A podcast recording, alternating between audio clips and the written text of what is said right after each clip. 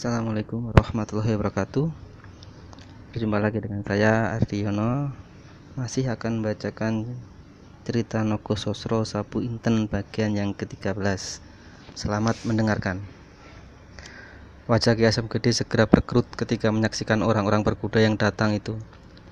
Dijelaskan bahwa ia sedang berusaha untuk menguasai debar jantungnya Begitu kedua murid Ki Asam Gede menjejakkan kakinya, segera mereka dengan cepat menghadap gurunya. Sedangkan kedua orang yang lain berdiri sambil memegang kendali keempat ekor kuda itu. Kedua murid Ki Asam Gede itu segera membungkuk hormat dan salah seorang di antara mereka berkata, Ki Asam Gede, kedua kawan ini adalah murid-murid Ki Wirosobo. Mendengar laporan itu, wajah Ki Asam Gede makin berkerut. Ia memandang kedua orang itu dengan gelisah, lalu dengan langkah cepat ia mendekatinya. Rupanya ia ingin segera berbicara dengan orang-orang yang tampak didengar oleh orang lain. Tanpa didengar oleh orang lain. Bagaimana? Tanya Ki Asam Gede ketika orang itu mendekat meskipun kata-kata itu diucapkan perlahan-lahan tetapi karena jaraknya tak begitu jauh maka suara itu terdengar juga oleh orang-orang yang berdiri di atas tangga. Dua orang itu sebelum menjawab matanya menyebar beberapa, menyebar beberapa orang yang berdiri di halaman. Lalu Ki Asam Gede katakanlah besar Ki Asam Gede. Mereka telah menculik Nyi Rosobo, jawab seorang di antaranya. Di antaranya. Eh? Ki Asam Gede terkejut bukan alang kepalang. Tubuhnya yang sudah kisut itu menggigil. Kalian tidak berbuat apa-apa? Kedua orang itu menundukkan kepala mereka tak berani memandang wajah Ki Asem Gede yang sedang menahan gelora hatinya. Kami telah mencoba, tetapi kekuatan kami tak berarti.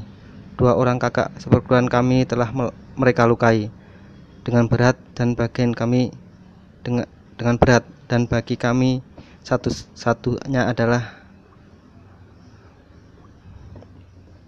melaporkan ini kepada Ki Asem Gede. Tetapi kebetulan Ki Asem Gede tiada di rumah sehingga kami tadi diantar kemari, jawab orang itu. Tampaklah tubuh Ki Asem Gede semakin menggigil. Di luar dugaan mereka yang berada di halaman itu, tiba-tiba secepat kilat Ki Asem Gede meloncat ke atas salah seorang salah seekor kuda itu. Sekali tarik kendali, kuda itu telah berputar dan meluncur bagi anak panah. Mereka yang menyaksikan terjadi mereka yang menyaksikan menjadi terpaku, diam tak tahu apa yang mesti dilakukan.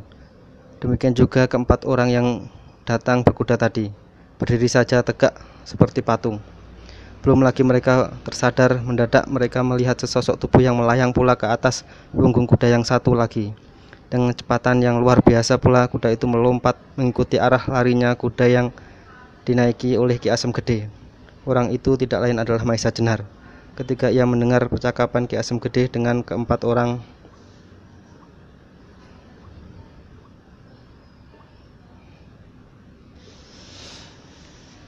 keempat orang berkuda itu yang sudah mengira kalau terjadi sesuatu. Maka ketika secepat itu Ki Asem Gede melarikan kudanya, ia makin yakin bahwa tentu ada kesulitan dengan menantunya. Dan dialah orang yang pertama-tama dapat menguasai dirinya dari pergolakannya perasaannya, sehingga ia mengambil keputusan untuk mengikuti orang tua itu. Kuda Ki Asem Gede lari dengan kecepatan penuh di malam yang gelap dengan meninggalkan debu putih yang berhambur-hamburan. Ke arah utara menyusur kali opak. Jalannya begitu sempit dan berbahaya, tapi Ki Asem Gede sama sekali tidak menghiraukan. Ia ingin cepat-cepat sampai ke Pucangan, di mana ia yakin kalau anaknya Nyi Wirosobo ditahan. Ia tahu betul bahwa gerombolan orang-orang ternama di daerah itu yang merasa cukup mempunyai kesaktian menjadi takabur dan berbuat sewenang-wenang. Kejahatan-kejahatan sering kali mereka lakukan pemerasan, penganiayaan, dan yang paling jahat adalah mengambil pengambilan istri orang. Ini mereka lakukan karena mereka merasa tak terkalahkan. Bahkan mereka juga mengambil gadis-gadis untuk jadikan istri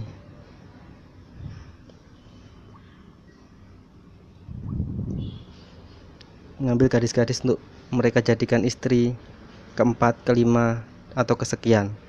Tak seorang pun yang dapat mencegahnya, sedang kali ini yang menjadi korban adalah anak Ki Asam Gede. Mengingat semuanya itu, hati Ki Asem Gede bergolak hebat sekali karena marahnya. Sejak ia mengasingkan diri di Asam Gede, ia sudah tak pernah lagi berangan-angan bahwa pada suatu kali ia masih harus bertempur. Ia merasa sudah merasa menyepi dan mempergunakan sisa hidupnya untuk diabdikan pada peri kemanusiaan. Tetapi menghadapi persoalan seperti sekarang ini, wajah GSM gede yang lunak dan damai itu berubah menjadi merah dan darah. Mulutnya terkatup dan giginya gemertak.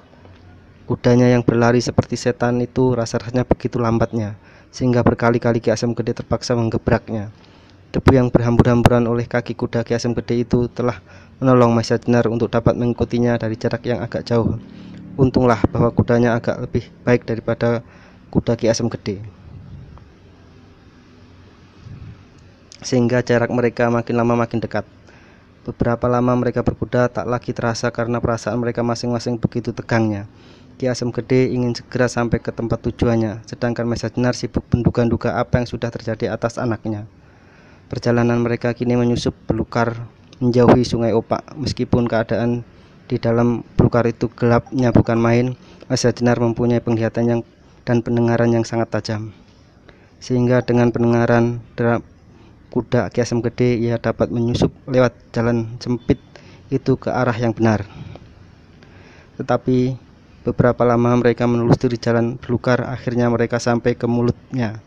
Begitu mereka muncul dari belukar, terasa hawa sejuk menyapu muka Maisa Cenar lebih merasakan segarnya udara. Sebab Ki Asem Gede perhatiannya penuh tertumpu kepada putrinya. Kini jalan yang mereka lalui mulai menanjak dan berliku-liku. Rupanya mereka telah sampai di kaki Gunung Merapi. Lama-lama di sebelah timur telah terbayang warna merah, hampir pajar. Dengus Maisa Jenar seorang diri, kuda-kudanya, kuda-kuda mereka kini telah mulai menyusur jalanan persawahan. Juga di daerah ini pada padi sedang berbunga. Batang-batangnya yang warnanya hijau segar itu ditaburi oleh warna kemerahan fajar menjadi semakin bagusnya. Sehingga untuk sementara Maisa Jenar terpaku perhatiannya. Tetapi ketika diingatnya orang tua yang di depannya itu semakin melarikan kudanya, ia pun segera mengesampingkan keindahan fajar. Sekali ia sentakkan kakinya, kudanya berlari semakin cepat seperti terbang. Tiba-tiba kuda Ki Asim Gede membelok ke timur dan sebentar kemudian menyusup masuk ke sebuah desa.